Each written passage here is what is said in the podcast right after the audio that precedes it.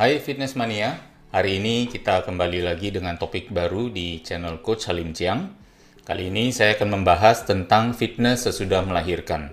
Ini pertanyaan yang sangat populer, berapa lama sesudah melahirkan, apakah beda antara melahirkan alami atau dengan yang sesar. Yuk kita bahas bersama sekarang. Nah, kita pahami dulu istilah dari kata fitness ya. Fitness itu melibatkan apa saja? Olahraga teratur, pola makan teratur, istirahat teratur. Nah, itu ibarat pohon, ya, ada tiga dahan utama, kemudian dilandasi dengan apa? Dilandasi dengan yang namanya akar yang kuat. Akarnya ada di mana? Ada di pikiran yang menenteramkan dan menguatkan hati kita. Nah, sekarang pertanyaannya adalah, untuk seorang ibu yang baru melahirkan, bisa nggak melakukan fitness, olahraga teratur, pola makan teratur, istirahat teratur, sambil merawat anaknya? Ataukah memang anaknya yang didahulukan, sehingga fitnessnya belakangan aja? Ya, kita bahas dan kita coba cari jawabannya. Key issues yang saya akan coba angkat kali ini adalah setelah melahirkan itu tentu ada masa nifas dan pemulihan dari jahitan, ya atau misalnya luka operasi.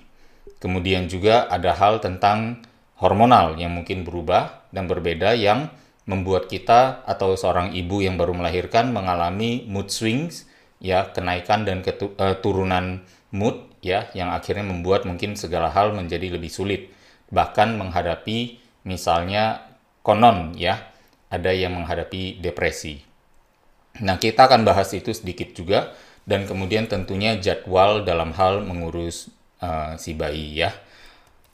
Untuk masa nifas dan pemulihan jahitan, kita ketahui bahwa sebenarnya umumnya 8 sampai 6 minggu masa nifas dan pemulihan masa jahitan itu sudah terjadi ya, sudah pulih ya.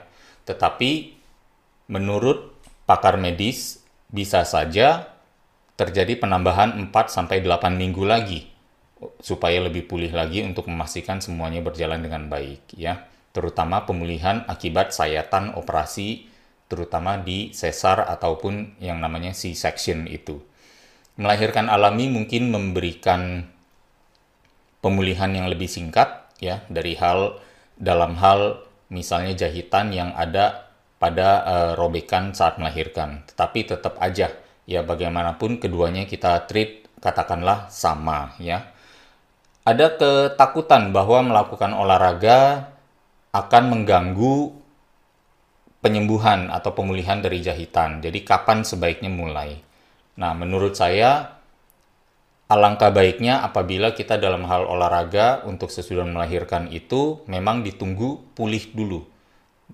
Konsultasi kan pasti terus ya dijalankan dengan dokter, visit lagi untuk mengecek tentang lukanya, untuk melihat apakah sayatan dari uh, sesarnya sudah selesai, kalau itu semua sudah terjawab dan mendapat lampu hijau untuk berolahraga, jangan ditunda ya, langsung aja berolahraga. Olahraganya apa saja? Ya, cukup 2 kali 5 menit per hari. Jangan salah ya, olahraga sesedikit ini juga bisa memberikan dampak yang baik apabila dilakukan dengan kualitas yang benar. Utamakan dan perbanyak protein, juga lemak yang inherent yang di dalam kandungan protein itu sendiri, bukan yang ditambahkan dari memasak ya. Jadi bukan mem membubuhkan banyak minyak ya, tetapi lebih kepada apa yang di dalam protein itulah yang didapatkan dan tidak perlu kita sengaja buang-buang terlalu banyak ya. Dan juga tentu sayuran ya sebagai sumber serat dan juga sumber vitamin mineral. Bantu juga mungkin dengan suplementasi terutama bagi ibu yang menyusui ya, misalnya omega 3 maupun ada yang bilang menggunakan daun katuk ya untuk melancarkan produksi asinya supaya bisa menyusui kepada anak dengan lebih baik, silakan semua itu tidak ada hambatan sama sekali. Kemudian planning, scheduling, dan spouse support. Nah ini juga mungkin yang nanti akan saya ingatkan kembali. Ya sebenarnya di tengah-tengah kita membuat alasan bahwa ini saya baru nih punya anak sehingga jadwal saya berantakan dan segalanya, kita bisa sebenarnya belajar melihat ritme dari si anak ini tidurnya kapan, bangunnya kapan, dan disiasati. Buat perencanaan ya dan langsung take action untuk melakukannya. Dan tentunya alangkah baiknya apabila ada pasangan ya, baik uh, bapaknya ya atau ayahnya untuk mencoba memberikan setidaknya dukungan moral dan keleluasaan untuk melakukan semua perencanaan ini dengan baik atau bahkan melakukannya secara bersama-sama ya seperti olahraga, makan sehat itu keduanya bisa melakukan. Apa saja ini contoh olahraganya ya? Uh, ada day 1, day 2 dan day 3. Saya sediakan di sini programnya. Ya, lakukan squats. Squatsnya adalah seperti ini di gambar yang ada di kanan layar. Squatsnya tidak perlu turun sampai terlalu bawah ya. Cukup dilakukan dikatakan ini yang namanya kalau kita jongkok habis ya. Tradisional jongkok itu 0, berdiri full itu adalah 100, mungkin ini gerakannya ada di antara 60 sampai ke 90. Nah, di 60 sampai 90 ini kita jaga terus di sana. Saya rasa tentunya tidak akan mengganggu dalam hal misalnya kalau dikhawatirkan jahitannya masih ada dan segala macamnya. Ya, karena esensialnya adalah latihan beban pun bisa kita lakukan. Karena apa? selama masa nifas, selama uh, jahitan belum selesai atau belum pulih, masih gendong bayi kan. bayi kan beban dong. Ada beratnya, ada bobotnya. Bayi yang baru lahir rata-rata 3 kilo. Jadi untuk mengangkat 3 kilo, atau bahkan setiap bulannya si bayi itu bertambah 1 kilo, masih bisa untuk terus berprogres mengangkat beban.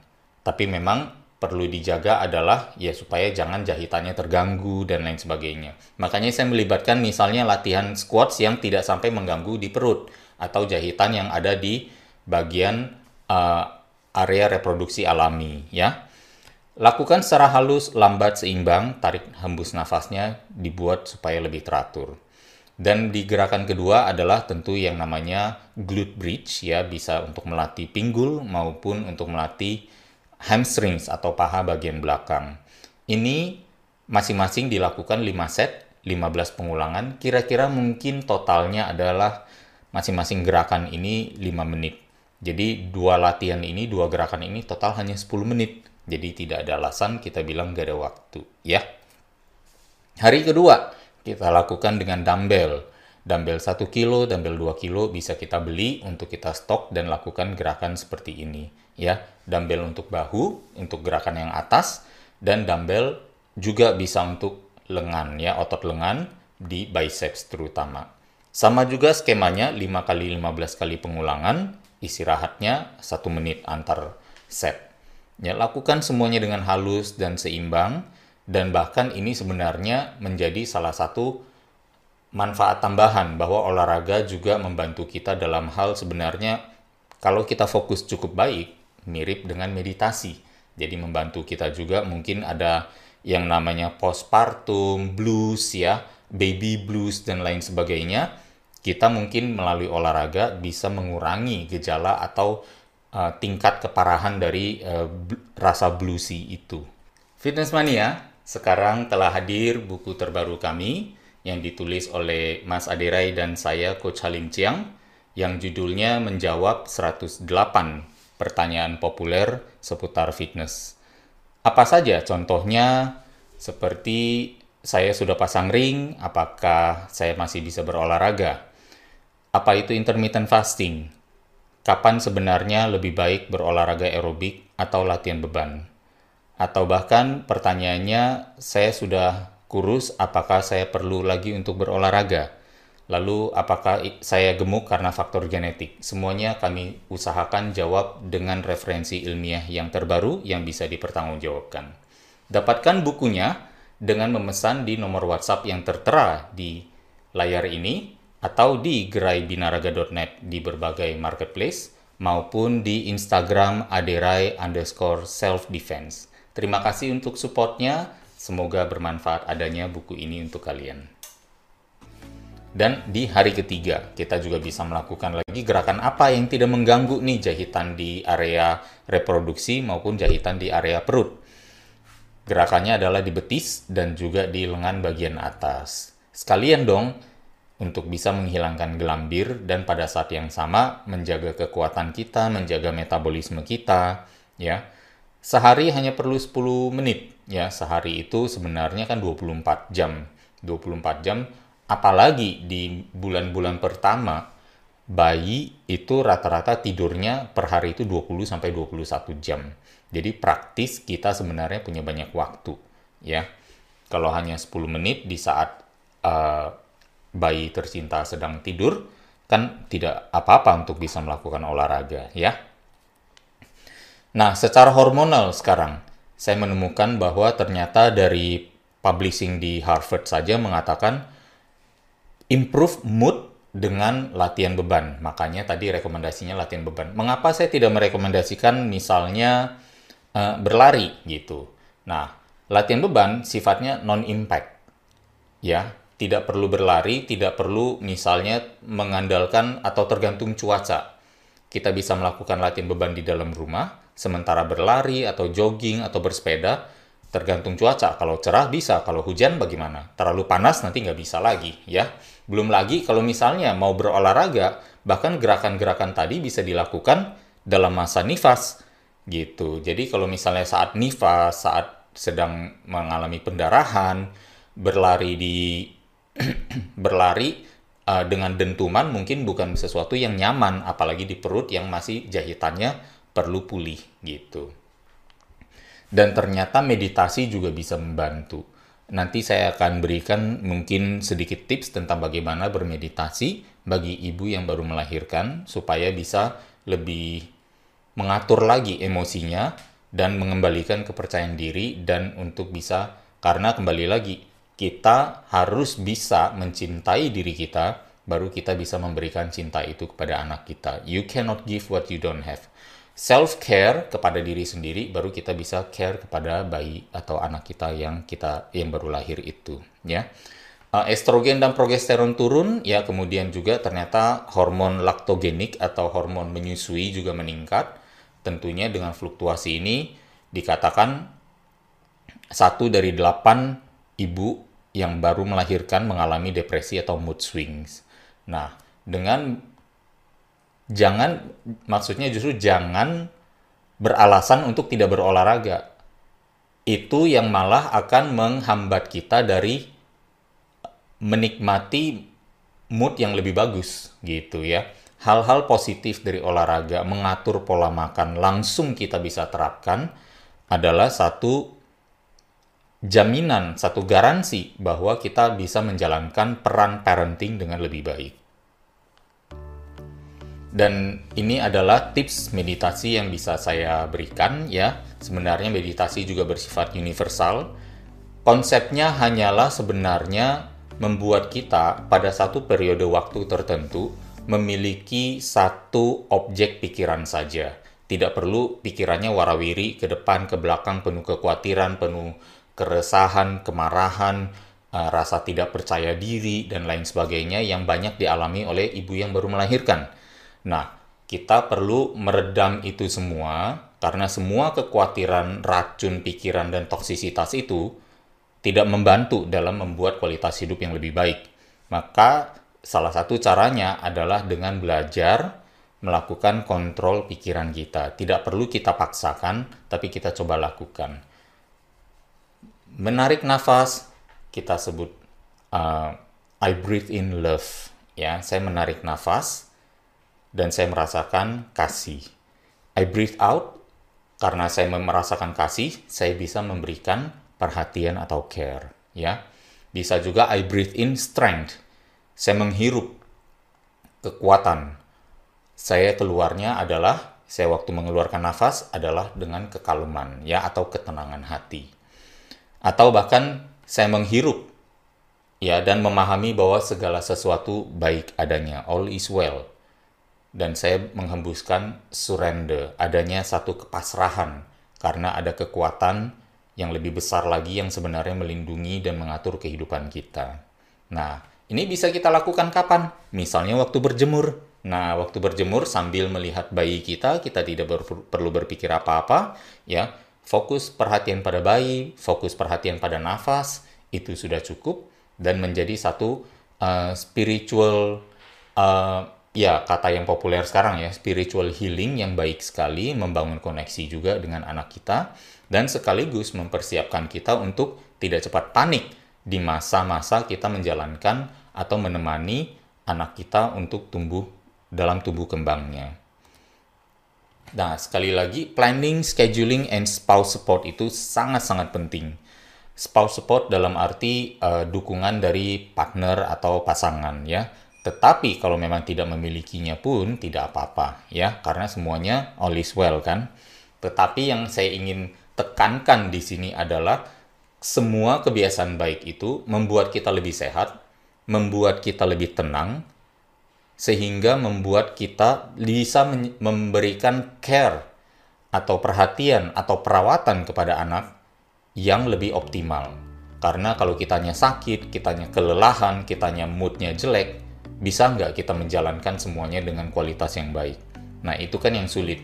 Bahkan, ya, kalau kita ada yang percaya, ibu yang lagi bete, yang lagi sedih, nggak percaya diri dan penuh kewas-wasan, kualitas asinya pun kurang bagus dan itu mungkin dirasakan juga oleh anaknya yang uh, sedang uh, meminum asinya gitu. Jadi ini merupakan satu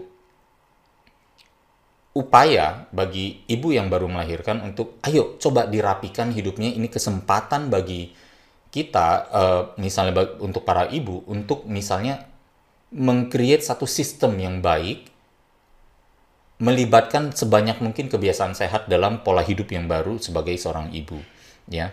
Alih-alih kita membuat excuses atau alasan ya menyalahkan orang lain marah-marah bete kemudian merasa diri sendiri paling benar merasa karena kita merasa menyalahkan orang lain berarti kita tergantung pada orang lain banyak dan tidak ada kemandirian. Akhirnya kitanya juga jadi pasrahnya, pasrah ter ketergantungan, apa yang orang lain berikan ternyata tidak sesuai harapan, akhirnya hal-hal tersebut yang malah mengecewakan, pas me kecewa, kitanya yang mengeluh dan komplain sendiri.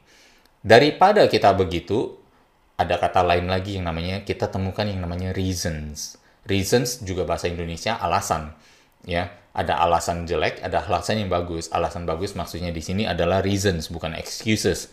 Reason ini adalah kita justru punya satu uh, why yang bagus untuk uh, kalau kita pahami why ini ya makna menjadi seorang ibu perlu mem memiliki tubuh yang sehat agar bisa menjadi ibu yang baik.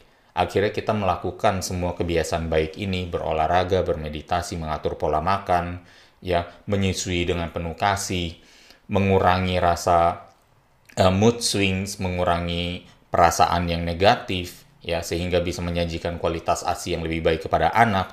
Semuanya itu dilakukan dengan tanpa pamrih, dengan senang hati, sehingga akhirnya kualitas care, kualitas perawatan, kualitas perhatian, kualitas parenting yang diberikan kepada si anak pun akan lebih baik, ya.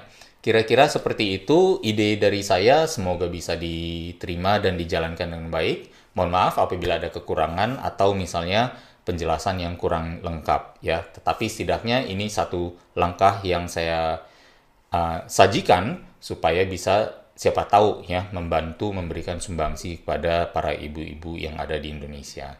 Terima kasih atas perhatiannya. Sampai ketemu lagi di topik yang lain. Ya, teman-teman, terima kasih sudah menyaksikan video saya di Coach Halim Chiang.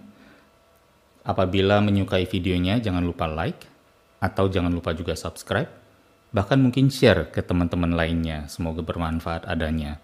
Dan jika ada komentar atau mungkin usulan topik-topik yang ingin saya bahas, silakan ditulis uh, di komentar. Nanti akan saya coba pertimbangkan untuk saya masukkan ke dalam uh, video-video selanjutnya. Terima kasih atas perhatiannya. Stay tune dan stay healthy.